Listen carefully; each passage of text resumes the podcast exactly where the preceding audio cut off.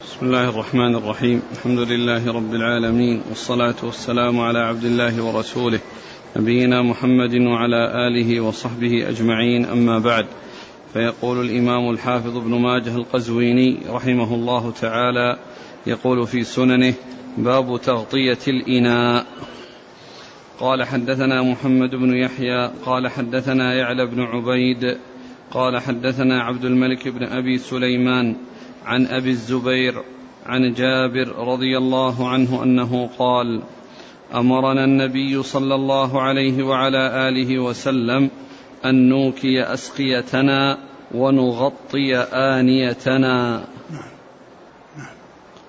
قال حدثنا عصمة بن الفضل ويحيى بن حكيم قال حدثنا حرمي بن عمارة بن أبي حفصة قال حدثنا حريش بن الخريت قال أخبرنا ابن أبي مليكة عن عائشة رضي الله عنها أنها قالت كنت أضع لرسول الله صلى الله عليه وعلى آله وسلم ثلاثة آنية من الليل مخمرة إناء لطهوره إناء لطهوره وإناء لسواكه وإناء لشرابه.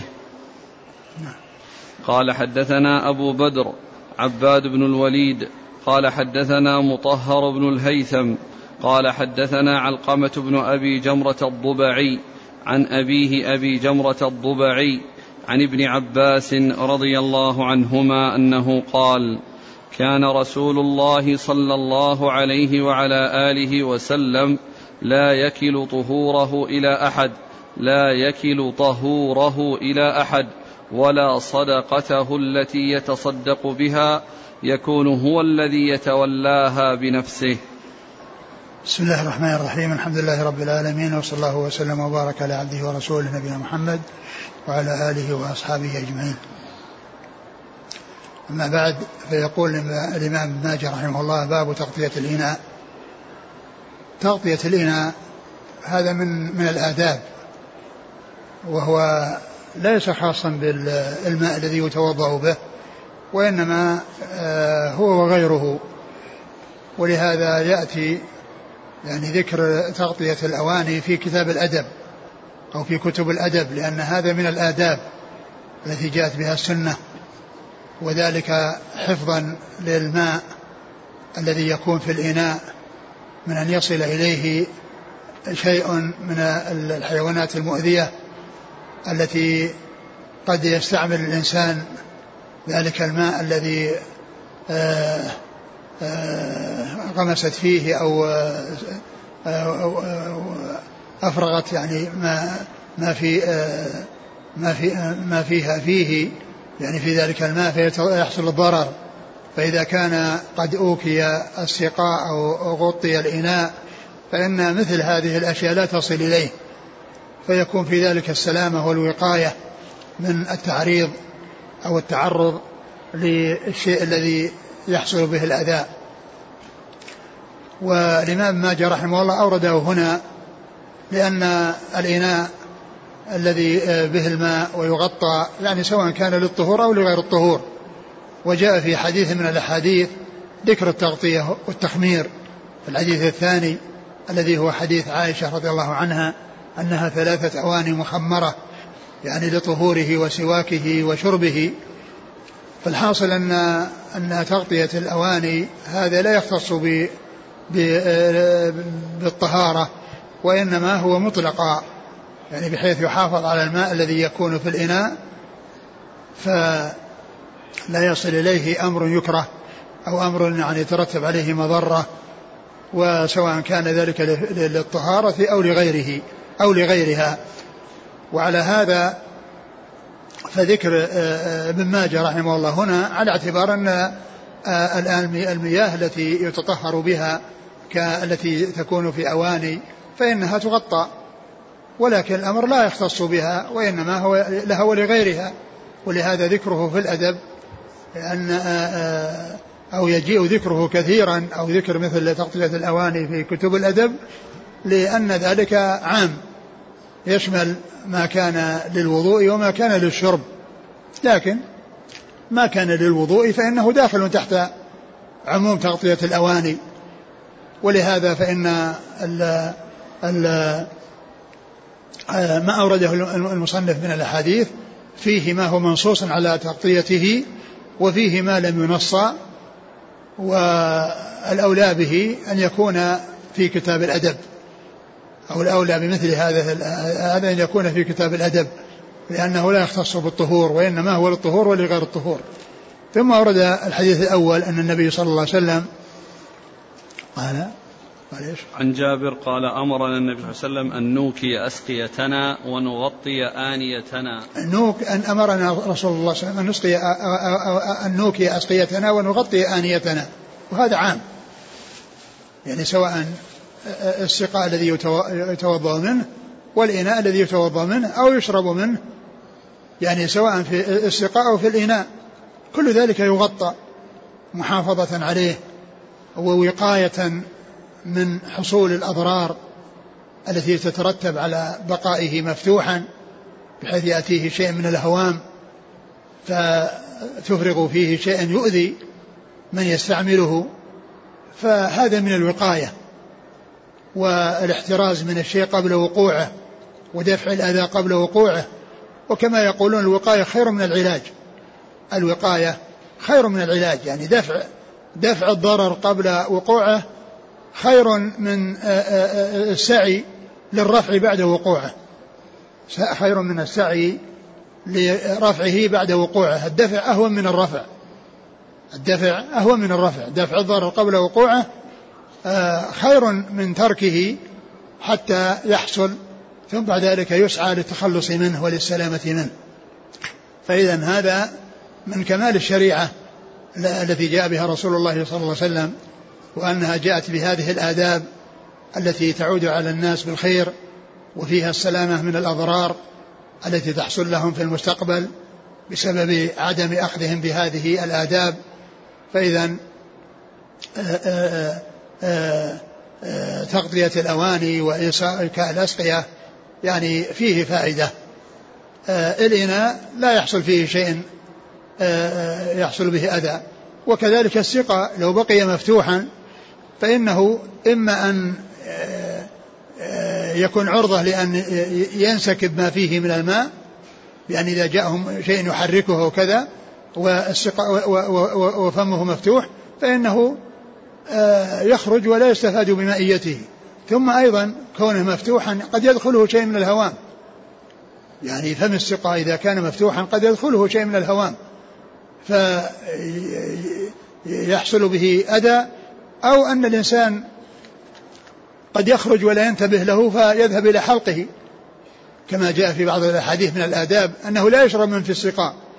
لا يشرب من في السقاء لأنه قد يكون فيه شيء من الحشرات وقد تذهب إلى حلقه دون أن يراها ودون أن ينتبه لها. فالحاصل الحديث يعني عام وليس خاصا بالطهور وإذا التغطية تكون لما يتطهر به ولما آه، يستعمل في غير الطهور. نعم. وثاني عن عائشة قالت كنت أضع لرسول الله صلى الله عليه وسلم ثلاثة آنية من الليل مخمرة إناء. ثم نعم. ثم حديث عائشة أنها كانت تضع من الليل ثلاث أواني مخمرة يعني مغطاة لأن التخمير هو هو الغطاء. هو التغطية التخمير هو التغطية والخمار هو الغطاء. خمار المرأة تغطي به وجهها وكذلك الحديث قال وخمروا وجهه رأسه وجهه ولا تخمروا رأسه وجهه اللي هو المحرم الذي وقصته دابة فإنه يبعث يوم القيامة ملبيا.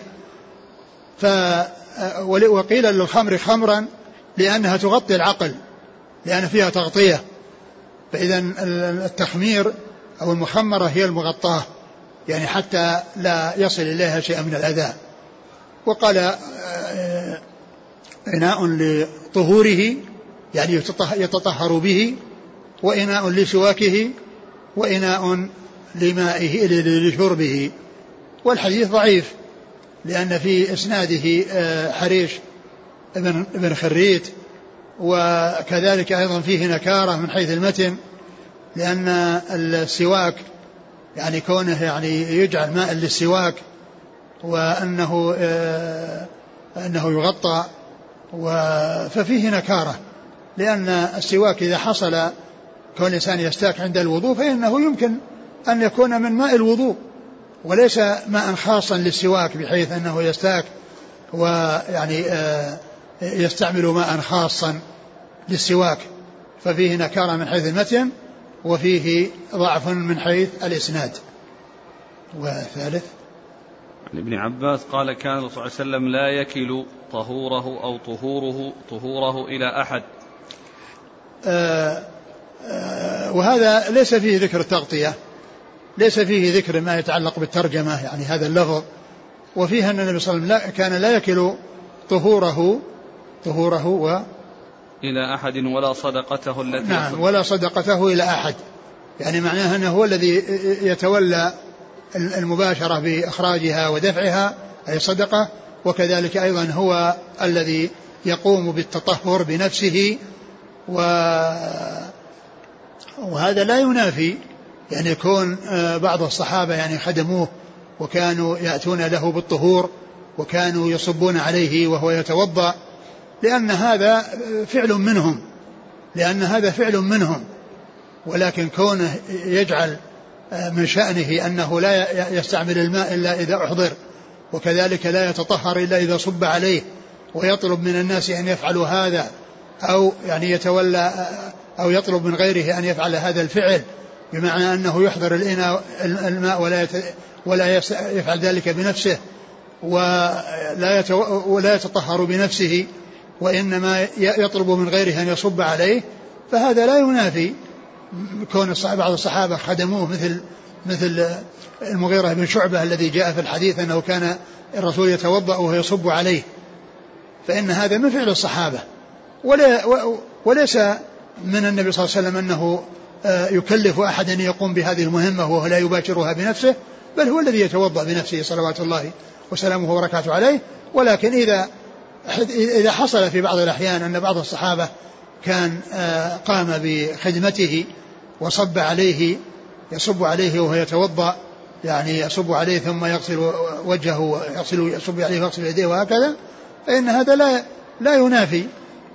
يعني كونه آه، يخدم نفسه وإنما هذا من فعلهم وليس بتكليف منه لهم بحيث أنه لا يفعل هذا الفعل إلا إذا آه، حصل من غيره بل كان يخدم نفسه صلى الله عليه وسلم وهو الذي يتولى التطهر وهو الذي يتولى مباشرة ذلك بنفسه وكون أحد من أصحابه يخدمه يعني لا ينافي يعني كونه يعني لا يكل ذلك إلى أحد. ولكن الحديث هو في نفسه أيضا ضعيف لأن فيه مطهر مطهر بن الهيثم بن الهيثم نعم. نعم وهو وهو يعني متروك. وهو متروك. نعم. سنيد. قال حدثنا محمد بن يحيى. هو الذهلي ثقة أخرجه البخاري وأصحاب السنن. عن يعلى بن عبيد. وهو الطنافسي وهو؟ ثقة أخرجه أصحاب الكتب. نعم. عن عبد الملك بن أبي سليمان. وهو؟ صدوق له أوهام في البخاري تعليقا ومسلم وأصحاب السنن. نعم. عن أبي الزبير. محمد بن تدرس المكي وهو صدوق خرجه أصحاب الكتب. عن جابر. جابر بن عبد الله الأنصاري رضي الله عنهما أحد السبعة المكثرين من حديث رسول الله صلى الله عليه وسلم. قال حدثنا عصمة بن الفضل. هو؟ أخرج له ثقة أخرج له النسائي بن ماجه. نعم. ويحيى بن حكيم. وهو؟ ثقة أخرج له أبو داود والنسائي بن ماجه. نعم. عن حرمي بن عمارة. وهو صدوق يهم أخرج له أصحاب الكتب إلا الترمذي. نعم. عن حريش ابن الخريت. وهو ضعيف أخرج له نعم. ابن ماجه. نعم. عن ابن أبي مليكة. هو عبد الله بن عبيد الله ثقة أخرج أصحاب الكتب. عن عائشة. أم المؤمنين رضي الله عنها الصديقة بنت الصديق وهي ممن أكثر الرواية عن رسول الله صلى الله عليه وسلم. قال حدثنا أبو بدر عباد بن الوليد وهو صدوق أخرج له ابن ماجه عن مطهر بن الهيثم. وهو متروك أخرج له. ابن ماجه نعم. عن علقمة بن أبي جمرة الضبعي. وهو مجهول أخرج له. ابن ماجه نعم. عن أبيه أبي جمرة. أبو جمرة نصر بن عمران الضبعي. وهو ثقة أخرج أصحاب الكتب. عن ابن عباس. عبد الله بن عباس بن عبد المطلب ابن عم النبي صلى الله عليه وسلم وأحد السبعة المكثرين من حديثه. يقول هل قلب الإناء أو الكأس من السنة إذا كان خاليا؟ آه، إما أن إما أن يقلب وإما أن يغطى. يغطى. إما أن يقلب وإما أن يغطى. نعم. هل يكفي غلق الدولاب على الأواني؟ يكفي. نعم يكفي. ليس بلازم أن يكون كل ما يكون من الأواني في الدواليب أنها تكون مغطاة. نعم. جاء في حديث بأنه في السنة ليلة ينزل فيها وباء لا يدع إناء غير موكا إلا نزل فيه. نعم. وهذا حديث صحيح. يعني وهذا يعني آه فيه يعني يدل على أن أن, أن, أن, أن هذا من من الآداب التي يؤخذ بها ويتحرز من الشرور التي يترتب عليها سواء الوباء العام أو الأشياء الخاصة التي تكون آه، باشرت تلك الآنية التي تكون مفتوحة وأفرغت فيها شيئا من مما فيه الضرر.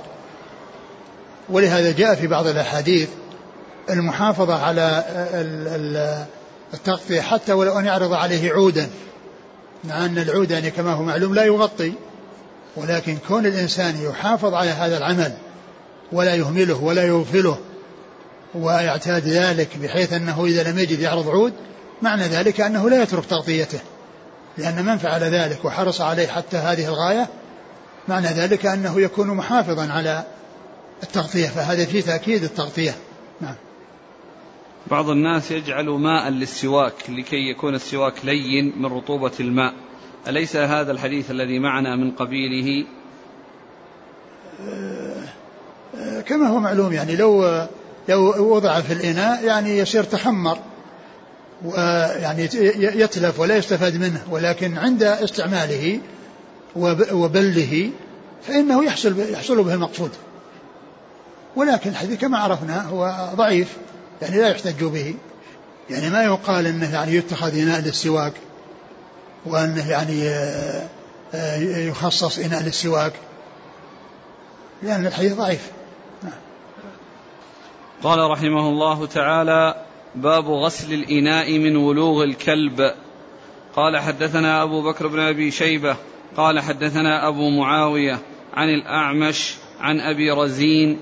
قال رأيت أبا هريرة رضي الله عنه يضرب جبهته بيده ويقول يا أهل العراق أنتم تزعمون أني أكذب على رسول الله صلى الله عليه وسلم ليكن لكم الهناء وعلي الإثم.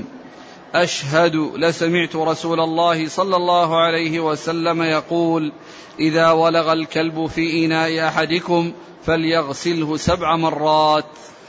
ثم ذكر هذه الترجمة غسل غسل الإناء من ولوغ الكلب. غسل الإناء من ولوغ الكلب.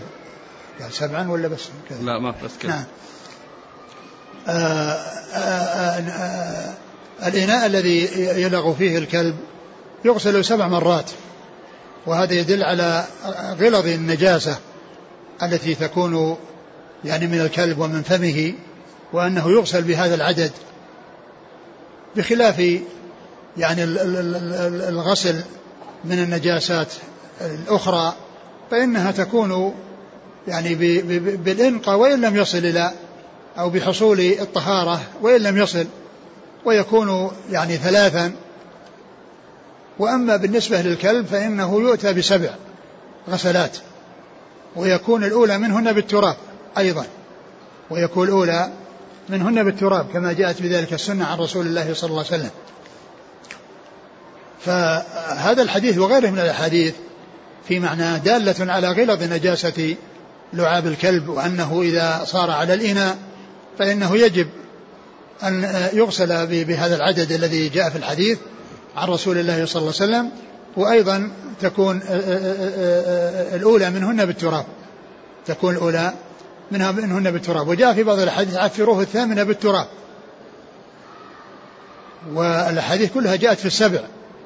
ففسر ذلك بأن الغسلة الأولى تكون فيها تراب وفيها ماء جمعت بين التراب والماء فيكون كأنها صارت ثمان. يعني بإضافة التراب إلى الماء في الغسلة الأولى يعني يكون آآ آآ تكون ثماني. وإلا فإنها سبع. وإلا فإنها سبع وليست بثمان. فيحمل ما جاء في الحديث ذكر الثامنة على على ما جاء في بعض الحديث أولاهن بالتراب. يعني أولاهن بالتراب فيكون الأولى فيها تراب وماء فاعتبرت إما واحدة أو اثنتين باعتبار أن الماء شيء والتراب يعني شيء آخر. لكن لا تصل إلى ثمان بأن تكون الأولى التي فيها تراب وماء واحدة ثم يتجاوز السابعة ويؤتى بثامنة فإن العلماء فسروا هذا بهذا.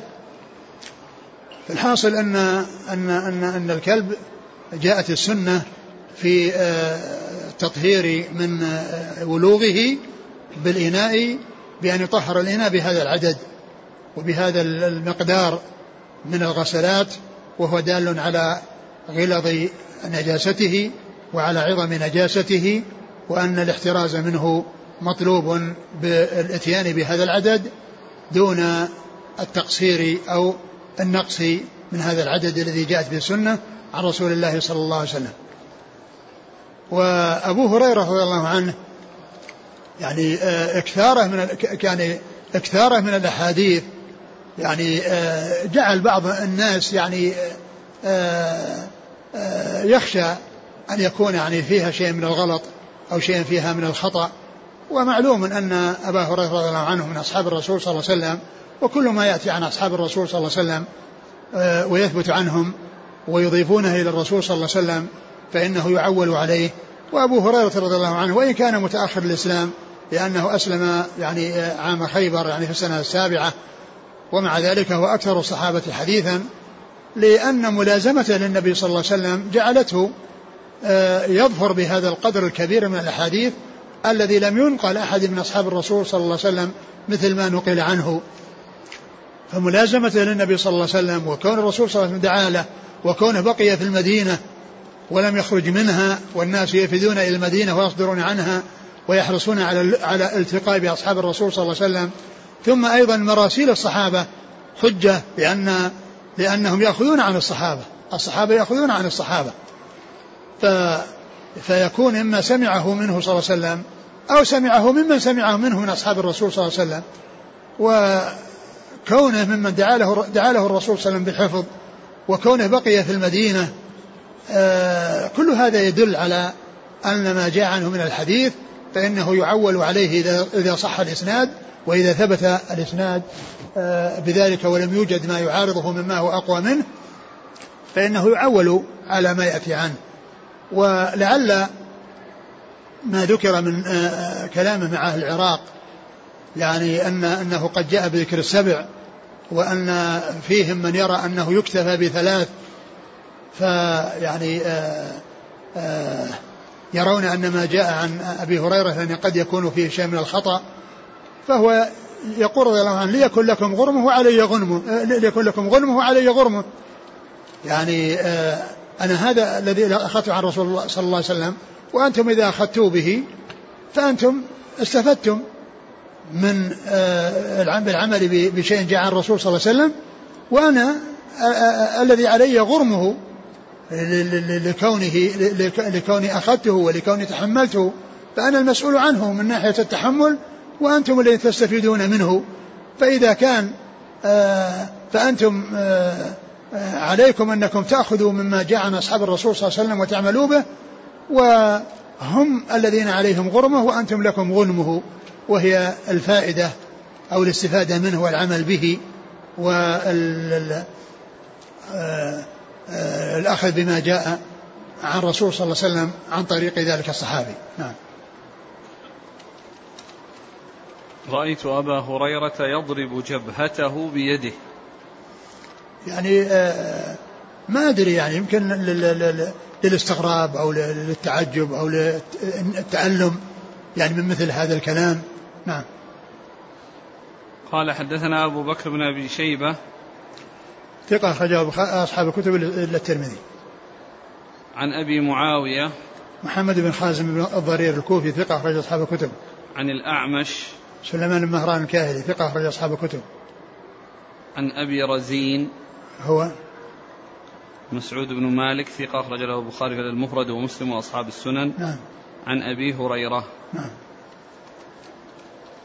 قال حدثنا محمد بن يحيى قال حدثنا روح بن عبادة قال حدثنا مالك بن أنس عن أبي الزناد عن الأعرج عن أبي هريرة رضي الله عنه أن رسول الله صلى الله عليه وسلم قال إذا ولغ الكلب في إناء أحدكم فليغسله سبع مرات. نعم وهذا مثل الذي قبله نعم. قال حدثنا محمد بن يحيى عن روح بن عبادة ثقة أخرج أصحاب الكتب. عن مالك بن أنس وهو إمام دار الهجرة المحدث الفقيه أحد أصحاب المذاهب الأربعة المشهورة من مذاهب أهل السنة وحديثه أخرجه أصحاب الكتب الستة. عن أبي الزناد نعم مر ذكره. عن الأعرج. الأعرج هو عبد الرحمن بن هرمز ثقة أخرجه أصحاب الكتب. عن أبي هريرة.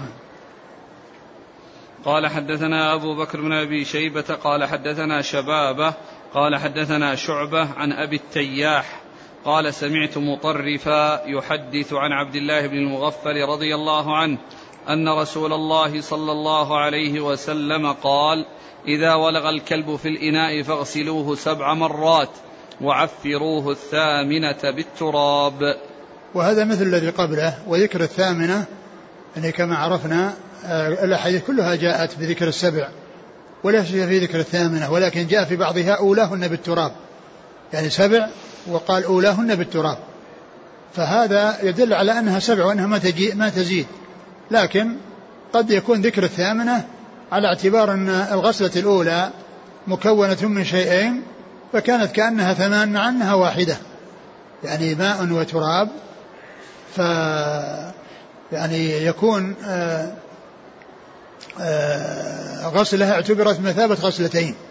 واحدة بالماء واحدة بالتراب وإلا فإن العدد لا يتجاوز ثمان لا يتجاوز سبعا والغسلة الأولى فيها تراب وماء وبهذا يوفق بين ما جاء في أولاهن بالتراب وجاء الثامنة في التراب. قال حدثنا أبو بكر بن أبي شيبة عن شبابة هو؟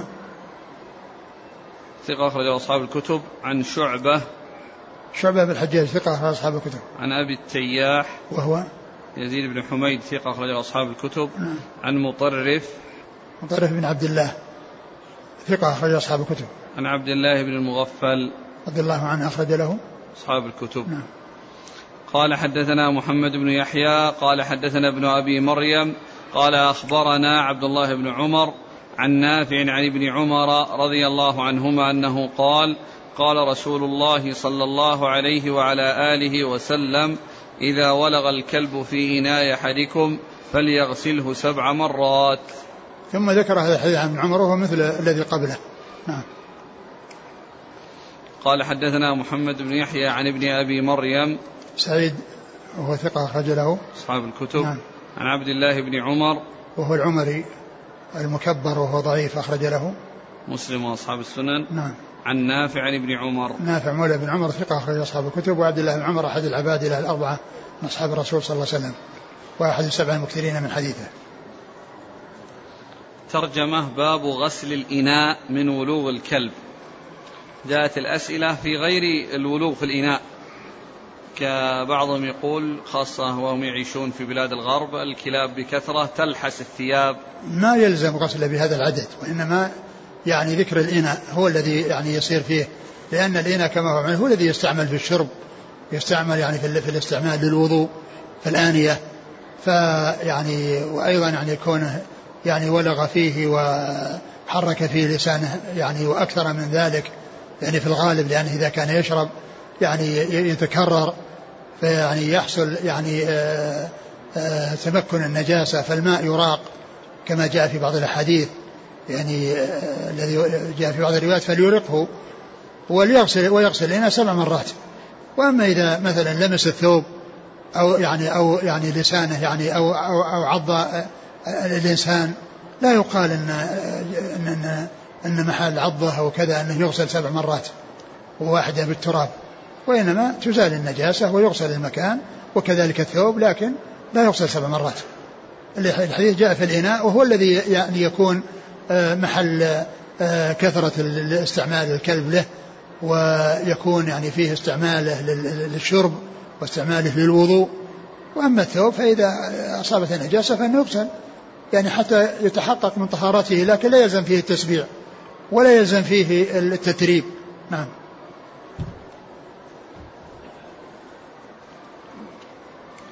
آه، هل بوله وروثه كذلك يغسل منه سبع مرات.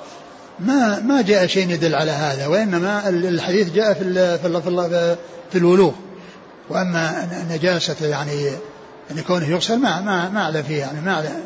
يعني الذي يظهر أن الحديث يعني في في, في الولوغ. وأما نجاسته يعني كونها تغسل سبع وتعفر الثامنة بالتراب يعني سواء كانت على في أي مكان من الأرض أو في اي على أي اي حال يعني يبدو أن هذا خاص بال بالولوغ نعم.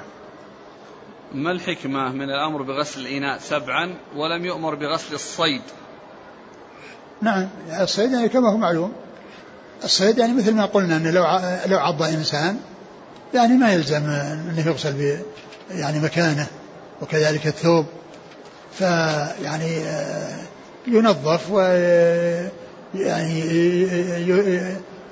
يتحقق من من من زوال أثر النجاسة لكن لا يكون بهذه الطريقة وإنما هذه جاءت في الإناء ولم تأتي لا في الصيد ولا في غيره. ما ذكره الشارح عن اختلاف النسخ في عبد الله وعبيد الله. نعم. يعني على كل سواء كان عبيد الله الثقة المكب... عبيد الله المصغر الثقة أو كان المصغر الحديث صحيح يعني بالطرق الأخرى. يعني فالإشكال لو ما جاء إلا من هذا الطريق. هذا اللي يجي فيه الإشكال. وأما ما دام الأحاديث كثيرة من غير عن, عن غير ابن عمر وهي صحيحة وثابتة فهذا الحديث يكون ثابتا ولو كان الذي فيه المكبر.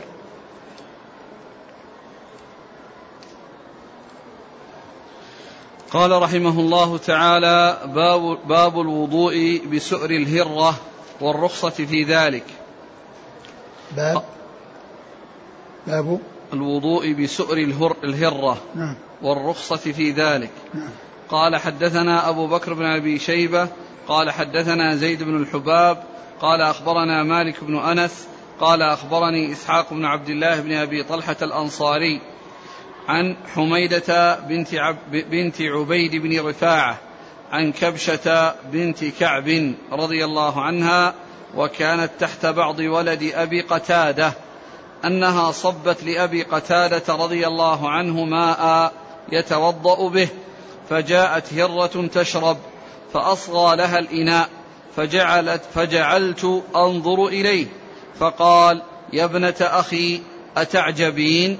قال قال رسول الله صلى الله عليه وسلم إنها ليست بنجس هي من الطوافين أو الطوافات. ثم ذكر الوضوء آه، من سؤر الهرة والرخصة في ذلك وأن الوضوء سائغ من الشيء الذي ولغت فيه الهرة وأن الحكم ليس مثل الكلب الذي مر أنه يراق الماء ويغسل الإناء سبع مرات والثامنة بالتراب أو الأولى بالتراب. فنجاسته مغلظة. يعني هنا جاء التخفيف على هذه الأمة بالوضوء من ما تمسه الهرة. يعني آه، إذا شربت من إناء فإنه يتوضأ من ذلك الإناء ولا يقال أنه تنجس. وهذا من تيسير الله عز وجل لأن هذا الذي يبتلي, يبتلي به الناس ويكون معهم في بيوتهم ويكون يعني التحرز منه في غاية المشقة. فالله تعالى يسر وخفف على الناس. لكن إذا كانت النجاسة يعني طارئة بأن رؤية في فمها النجاسة وآثار النجاسة فهذا شيء آخر هذا شيء طارئ. وأما يعني آه، كونها ما يعني فيها نجاسة في فمها وإنما يعني باقية على الأصل فإن سؤرها واستعمال الماء لا يؤثر. لا يؤثر بل, بل هو سائر. والرسول صلى الله عليه وسلم قال إنها من الطوافين عليكم الطوافات. يعني أن هذا من تخفيف الله عز وجل. لأنه لو آه، أمر الناس أو أوجب على الناس أن يتوضأوا أو أن يمتنعوا من من من سؤر الهرار التي عندهم في البيوت لكان في ذلك عليهم مشقة. من يتحرز من هذا؟ يعني ولا يمكن لأن الهرة يعني تأتي إلى الماء وتشرب منه والله تعالى دفع الحرج عن الناس في ذلك. فإذا يجوز استعمال سؤر الهرة والوضوء منه وأنه آه، لا بأس بذلك. وقد وهذا حديث أبي قتادة رضي الله عنه الذي آه، لما كانت آه، زوجة أحد بنيه كانت تصب عليه ماء فأحضر أتت له بماء يتوضأ به فجاءت هرة تريد أن تشرب فأصغى لها الإناء فشربت فصارت تلك المرأة التي هي زوجة ابنه تنظر إليها كأنها متعجبة. فقال لها تعجبين من ذلك أن الرسول صلى الله عليه وسلم قال إنها ليست بنجاس إنها من الطوافين عليكم والطوافات. فدل هذا على آه، آه، طهارة آه، الماء الذي تشرب منه الهرة وأنه لا بأس من استعماله. نعم. قال حدثنا أبو بكر بن أبي شيبة عن زيد بن الحباب. هو صدوق خرج له وخارج القراءة ومسلم وأصحاب السنن. نعم. عن مالك بن أنس. نعم. عن إسحاق بن عبد الله بن أبي طلحة. وهو ثقة أخرج أصحاب كتب. الكتب نعم. عن حميدة بنت عبيد بن رفاعة. وهي؟ مقبولة وله نعم. أصحاب السنن. نعم. عن كبشة بنت كعب. أخرج لها؟ أصحاب السنن. نعم. وكانت تحت بعض ولد أبي قتادة. وهذا يدل على أن يعني المرأة في البيت تخدم زوجها وكذلك وكذلك تخدم والد زوجها إذا كان عندها. يعني وهذا من الآداب ومن الأخلاق الكريمة والمعاملة الحسنة لأن هذه زوجة ابنه وهي التي تقدم له آه، آه، الماء الذي يتطهر به. نعم. أنها صبت لأبي قتادة. نعم. يعني صبت له ماء يعني وأعطته إياه كأنه يعني لأنه ماء يتوضأ به. نعم.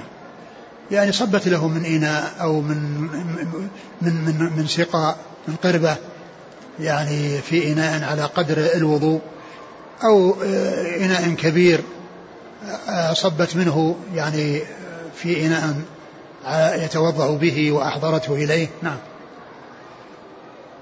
أبو قتادة. أبو قتادة الحارث الحارث بن ربعي أخرج أصحاب الكتب. من الطوافين أو الطوافات. يعني هذا شك. يعني هل قال الطوافين أو الطوافات؟ نعم. لكن هنا نقل عن الحافظ المبارك فوري ينقل عن حافظ بن حجر. شو يقول؟ آه بأن قال ليست للشك لوروده بالواو في روايات أخرى. بل للتنويع ويكون ذكر الصنفين من الذكور والإناث كذا في المرقاة. يحتمل. نعم. أقول محتمل. ومحتمل أن يكون شك. قال حدثنا أبو حجر عمرو بن رافع وإسماعيل بن توبة. قال حدثنا يحيى بن زكريا بن أبي زائدة عن حارثة عن عمرة عن عائشة رضي الله عنها أنها قالت كنت أتوضأ أنا ورسول الله صلى الله عليه وسلم من إناء واحد قد أصابت منه الهرة قبل ذلك. وهذا مثل الذي قبله يعني النبي صلى الله عليه وسلم توضأ هو و تقول عائشة كنت عائشة نعم إنها هي ورسول الله صلى الله عليه وسلم توضأ من إناء واحد قد شربت منه الهرة قبل ذلك يعني أن أنها أنه سؤر هرة يعني سؤر هرة لأنها شربت منه. فيكون يعني هذا الحديث مثل مثل حديث آه، حديث أبي قتادة المتقدم يدل على آه، أن سؤر الهرة يتوضأ به وأنه لا يعني ينجس وهذا بخلاف الكلب. نعم. قال حدثنا أبو حجر عمرو بن رافع هو؟ ثقة أخرج له ابن ماجه. نعم. وإسماعيل بن توبة هو؟ صدوق أخرج له ابن ماجه. نعم. عن يحيى بن زكريا بن أبي زائدة ثقة أخرج أصحاب الكتب. عن حارثة حارثة بن أبي الرجال وهو؟ ضعيف نعم. الترمذي وابن ماجه. نعم. عن عمرة عمرة بنت عبد الرحمن وهي ثقة أخرج أصحاب الكتب الستة. عن عائشة. عن عائشة رضي الله تعالى عنها أم المؤمنين. وحارثة هذا يروي عن جدته يروي عن جدته عمرة لأن عمرة هي أم أبي الرجال. نعم. عندي أنا زيادة قال حدثنا محمد بن بشار قال حدثنا عبيد الله بن عبد المجيد يعني أبا بكر الحنفي. قال حدثنا عبد الرحمن بن أبي الزناد عن أبيه عن أبي سلمة عن أبي هريرة رضي الله عنه أنه قال قال رسول الله صلى الله عليه وعلى آله وسلم الهرة لا تقطع الصلاة لأنها من متاع البيت. ثم ذكر هذا الحديث أن الهرة لا تقطع الصلاة لأنها من متاع البيت. قولهم متاع البيت مثل قولهم الطوافين والطوافات لأن كونها بالبيت وكونها يعني ملازمة للبيوت والناس يصعب عليهم التحرز منها يعني لا في صلاتهم ولا في وضوئهم. فهي الله عز وجل خفف ويسر فجعلها لا تؤثر. لكن كما هو معلوم كل شيء يمنع من المرور بين المصلي وبين سترته يعني سواء كان إنسان أو حيوانا صغيرا أو كبيرا. لكن آه، القطع لا لا تقطع الصلاة لأن القطع إنما جاء في المرأة والحمار والكلب. هذا هو الذي جاء فيه وغيره باق على الأصل. وهذا الحديث هو يؤكد الأصل أو هو يدل, يدل على البقاء على الأصل وهو أن الأصل أنه لا يقطع الصلاة إلا ما جاء الدليل على أنه يقطع. فإذا آه، الحديث هو مبق على الأصل وقد اختلف في رفعه ووقفه. وبعضهم ضعف أن يكون موقوفا أنه يكون مرفوعا.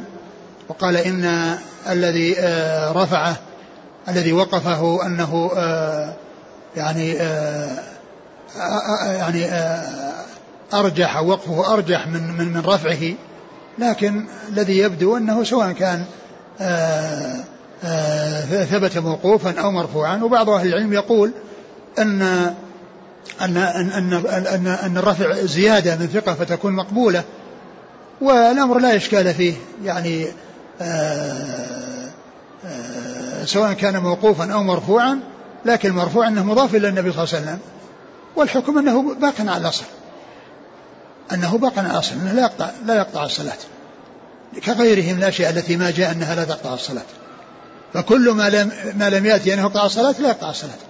وهذا فرد من أفراد ما لا يقطع الصلاة. نعم. قال حدثنا محمد بن بشار. آه هو الملقب بن دار ثقة أخرج أصحاب الكتب. عن عبد الم... عبيد الله بن عبد المجيد أبي بكر الحنفي. وهو؟ صدوق خرج أصحاب الكتب. نعم. عن عبد الرحمن بن أبي الزناد. وهو صدوق أخرج له؟ البخاري تعليقا ومسلم في المقدمة. وأصحاب نعم. عن أبيه عن أبي سلمة. أبوه أبو الزناد وهو عبد الله بن ذكوان وهو ثقة أخرج أصحاب الكتب وعن عن أبي سلمة أبي سلمة. بن عبد الرحمن بن عوف ثقة أخرج أصحاب الكتب. نعم. عن أبي هريرة. نعم. يقول آه، نقل المبارك فوري عن بعض العلماء استحباب تربية الهرة من أجل هذا الحديث وللمشقة من التحرز منها. هل هذا صحيح؟ لا استحباب التربية ما, ما يدل على الاستحباب. ولا يعني معناه أن ذاك اللي ما عنده هرة يروح يدور له هرة يربيه. ابدا. يعني وإذا تخلص منها وسلم منها فهو أولى له. لكن إذا جاءت وابتلي الناس بها فالله تعالى يسر. لكن كونه يقال سنة وأن الناس يعني يربون الهرر لا لا يقال هذا ما هو صحيح. من حيث آه، سؤر بعض الحيوانات. يعني كالفأرة مثلا. يعني كما هو معلوم الفأرة يعني كذلك التحرز منها صعب مثل الهرة وإن كانت أنها يعني آه، و يعني أنها نجسة والهرة إذا أكلتها وصار أثر الدم في فمها يعني تكون النجاسة مشاهدة. لكن الهرة لو جاءت ماء يعني ما ما, ما يقال إنه تنجس. الفأرة. نعم. التقييد أو أو الضابط. جعل الضابط أن ما كان كالهرة في الخلقة أو ما دونها. فسؤره طاهر. هذا الضابط صحيح؟ يعني كونها ما في الخلقة وما دونها كونها حد أعلى ما في يعني ما نعلم يعني شيء يعني شيء يدل عليه. نعم. مر معنا في أبي داود باب سئر الهرة حديث عن داود بن صالح بن دينار التمار عن أمه أن مولاتها أرسلتها بهريسة إلى عائشة رضي الله عنها فوجدتها تصلي فأشارت إلي أن ضعيها فجاءت هرة فأكلت منها فلما انصرفت أكلت من حيث أكلت الهرة فقالت إن رسول الله صلى الله عليه وسلم قال إنها ليست بنجس إنما هي من الطوافين عليكم. وقد رأيت رسول الله صلى الله عليه وسلم يتوضأ بفضلها. وقال الشيخ الألباني رحمه الله صحيح. نعم. وش الإشكال؟ يعني هذا يؤيد حتى الأكل؟ نعم نعم. قال رحمه الله تعالى باب الرخصة بفضل وضوء المرأة. قال حدثنا أبو بكر بن أبي شيبة قال حدثنا أبو الأحوص عن سماك بن حرب عن عكرمة عن ابن عباس رضي الله عنهما أنه قال اغتسل بعض أزواج النبي صلى الله عليه وسلم في جفنة فجاء النبي صلى الله عليه وسلم ليغتسل أو يتوضأ فقالت يا رسول الله إني كنت جنبا. فقال الماء لا يجنب. ثم ذكر الوضوء بفضل المرأة. الرخصة بفضل وضوء المرأة. الرخصة بفضل وضوء المرأة. يعني المقصود بفضل وضوئها يعني الماء الذي يبقى بعد وضوئها. مثلا توضأت من إناء وبقي فيه بقية هذا يقال له فضل الوضوء لأنها توضأت منه وبقي بقية. فهذا الماء الذي بقي هو طاهر يتوضأ به يتوضأ به. ولو كانت التي استعملته جنبا بمعنى أنها أدخلت يدها فيه وهي جنب فإن إدخالها لا يؤثر لا يؤثر لا يسلبه الطهورية بل هو طهور. والرسول صلى الله عليه وسلم توضأ منه في هذا الحديث ولما قالت له إنها كانت جنب قال إن الماء لا يجنب. يعني أن أن ذلك لا يؤثر. مثل هذا مثل ما قال حيضتك ليست في يدك. يعني لما كانت يعني يظهر رأسها لها يعني من داخل الحجرة وهي يعني يعني ترجله أو يعني تخدمه صلى الله عليه وسلم وقالت إنها يعني إنها إنها حائض قال ليست حائضتي في يدك. يعني معناها أن ما تلامسه الحائض بيدها ما ما, ما يؤثر. فكذلك الجنب يعني إذا أدخل يده في إناء أو اغتسل من إناء يعني وأدخل يده فيه فإنه باق على طهوريته. فال إحدى زوجاته اغتسلت أو من من من الجنابة من من صحفة أو من جفنة وهي الوعاء الصحفة الكبيرة وبقي فيها بقية وتوضأ منها النبي صلى الله عليه وسلم. وأخبرته بالواقع الذي قد حصل وأنه قد يعني يكون الأمر يختلف عن عما يعني آه، آه، قد يكون يختلف بأنه لا يتوضأ منه ولا يغتسل منه الرجل فالرسول صلى الله عليه وسلم قال إن الماء لا يجنب يعني أنه طهور باق على طهوريته ولو استعمله الجنب وأدخل يده فيه. نعم.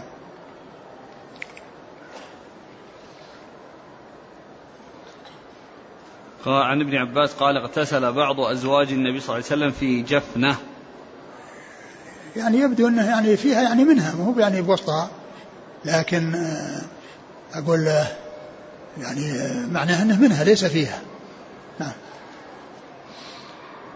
جفنة. جفنة يعني صحفة كبيرة. فجاء النبي صلى الله عليه وسلم ليغتسل أو يتوضأ فقالت يا رسول الله إني كنت جنبا.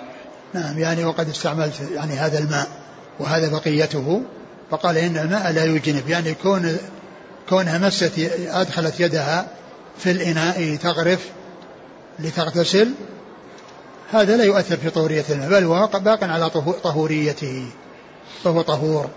نعم لكن تنبيه النبي صلى الله عليه وسلم من هذه الزوجة كان يعني كأن في ذهنها أن كأنها يمكن النجاسة الجنابة أنها تؤثر وأن الجنوب إذا مس ماء يعني أدخل يده في الإناء أن ذلك يؤثر. فالرسول صلى الله عليه وسلم بين له مثل أبو هريرة اللي قال كانت وأنا جالس وأنا على على غير طهارة فقال إن المؤمن لا ينجس. قال كان جنبا. قال كنت جنبا وكرهت أن أجالسك وأنا على غير طهارة فقال إن المؤمن لا ينجس. نعم. كأنها خشيت أن يكون عملها هذا يعني أنه يؤثر فأخبرت النبي صلى الله عليه وسلم بالواقع فبين لها أنه لا بأس وأنه ما خرج عن طهوريته. نعم أو طهوريته. نعم. قال حدثنا أبو بكر بن أبي شيبة عن أبي الأحوص. هو سلام بن سليم ثقة أخرج أصحاب الكتب. عن سماك بن حرب. صدوق أخرج البخاري تعليقا ومسلم وأصحاب السنن. عن عكرمة. مولى بن عباس ثقة أخرج أصحاب الكتب. عن ابن عباس. نعم. قال حدثنا علي بن محمد قال حدثنا وكيع عن سفيان عن سماك عن عكرمة عن ابن عباس رضي الله عنهما. أن امرأة من أزواج النبي صلى الله عليه وسلم اغتسلت من جنابه فتوضأ أو اغتسل النبي صلى الله عليه وسلم من فضل وضوئها. يعني هذا مثل الذي قبله. نعم. قال حدثنا علي بن محمد. الطنافسي ثقة أخرجه النسائي في مسند علي وابن ماجه. عن وكيع. وكيع بن الجراح الرؤاسي ثقة أخرج أصحاب الكتب. عن سفيان. هو الثوري ثقة أخرج أصحاب الكتب. عن سماك عن عكرمة عن ابن عباس. قال حدثنا محمد بن المثنى ومحمد بن يحيى وإسحاق بن منصور. قالوا حدثنا أبو داود. قال حدثنا شريك عن سماك عن عكرمة عن ابن عباس رضي الله عنهما عن ميمونة رضي الله عنها زوج النبي صلى الله عليه وسلم أن النبي صلى الله عليه وعلى آله وسلم توضأ بفضل غسلها من الجنابة. ثم ذكر هذا الحديث وهو بمعنى وفي هذا تعيين المرأة التي آه، توضأ النبي صلى الله عليه وسلم بفضل غسلها من الجنابة. يعني هذا فيه تعيين آه، المرأة وقد تكون هي وقد تكون غيرها غيرها وأن الحكم واحد. لكن آه، كونه حصل منها بالفعل أنها الرسول توضأ بفضل وضوئها من الجنابة قد تكون هي. والحديث مثل الذي قبله يعني يدل على جواز الوضوء أو الاغتسال بفضل وضوء, وضوء المرأة. قال حدثنا محمد بن المثنى. ثقة أخرج أصحاب الكتب وهو شيخ لأصحاب الكتب. ومحمد بن يحيى وإسحاق بن منصور. وإسحاق بن منصور هو الكوسج وهو ثقة أخرج أصحاب الكتب إلا أبا داود. عن أبي داود. أبو داود هو الطيالسي ثقة أخرجه البخاري تعليقا ومسلم أصحاب السنن عن شريك. نعم. شريك بن عبد الله النخعي الكوفي صدوق أخرجه البخاري تعليقا ومسلم وأصحاب السنة. عن سماك عن عكرمة عن ابن عباس عن ميمونة. ميمونة بنت الحارث الهلالية أم المؤمنين رضي الله عنها وأرضاها أخرج حديثها أصحاب الكتب الستة. قال رحمه الله تعالى باب النهي عن ذلك.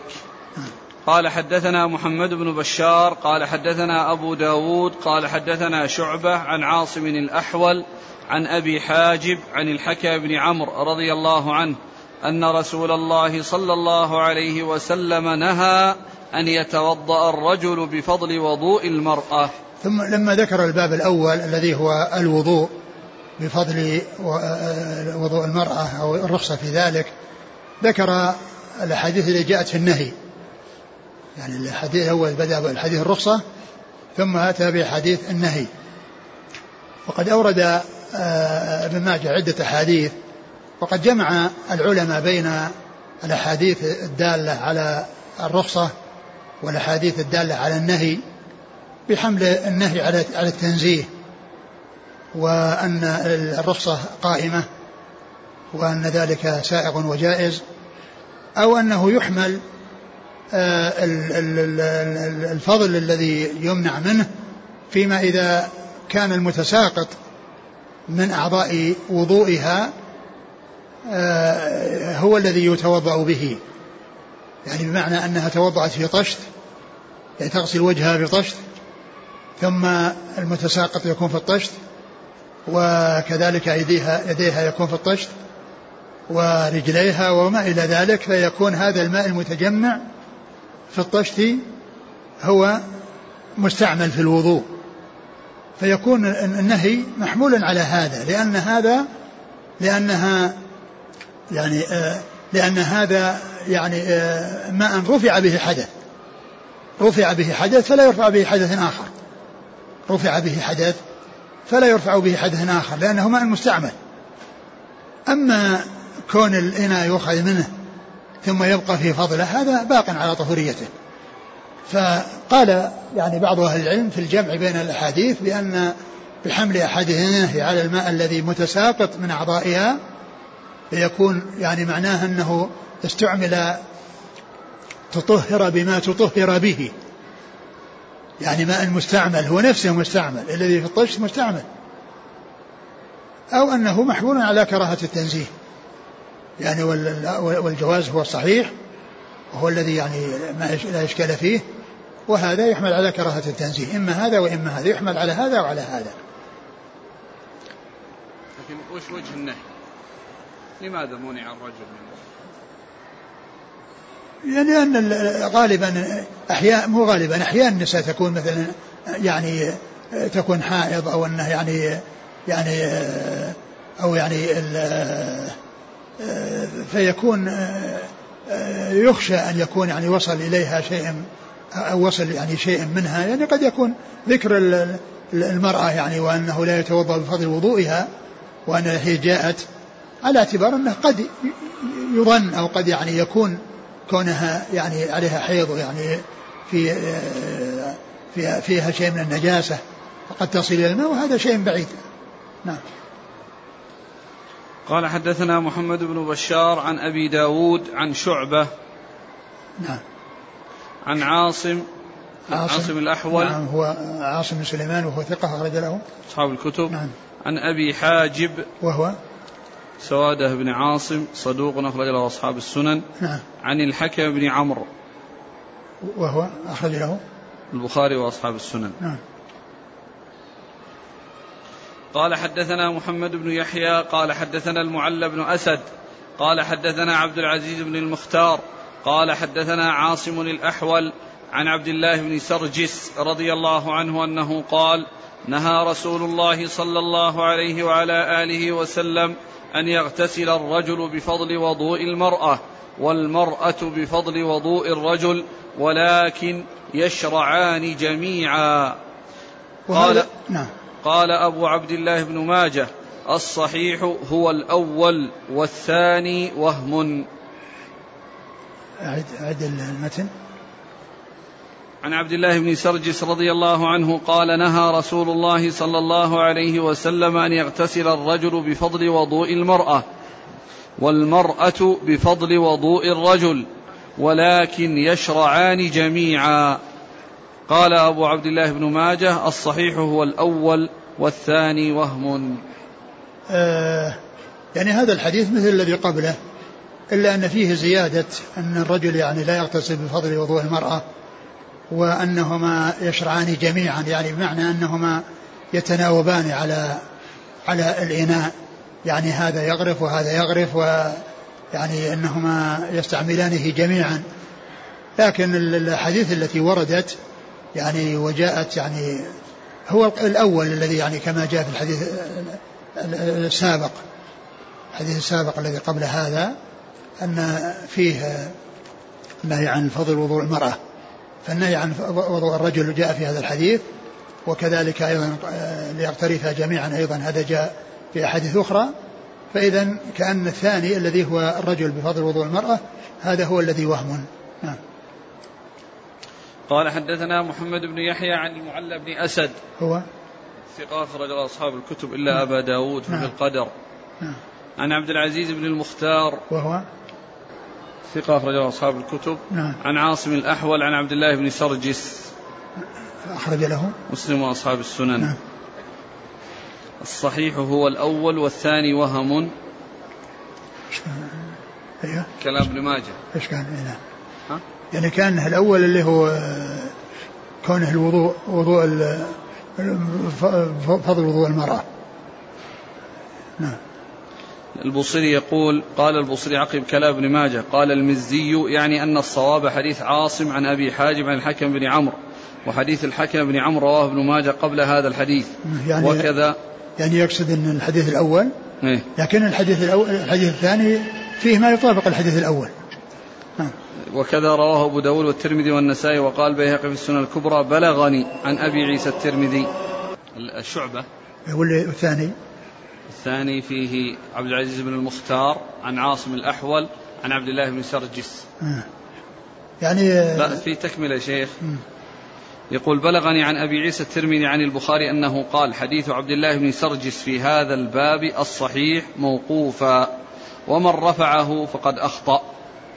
قلت البوصيري وحديث عبد الله بن سرجس له شاهد من حديث أبي هريرة. رواه أبو بكر بن أبي شيبة موقوفا.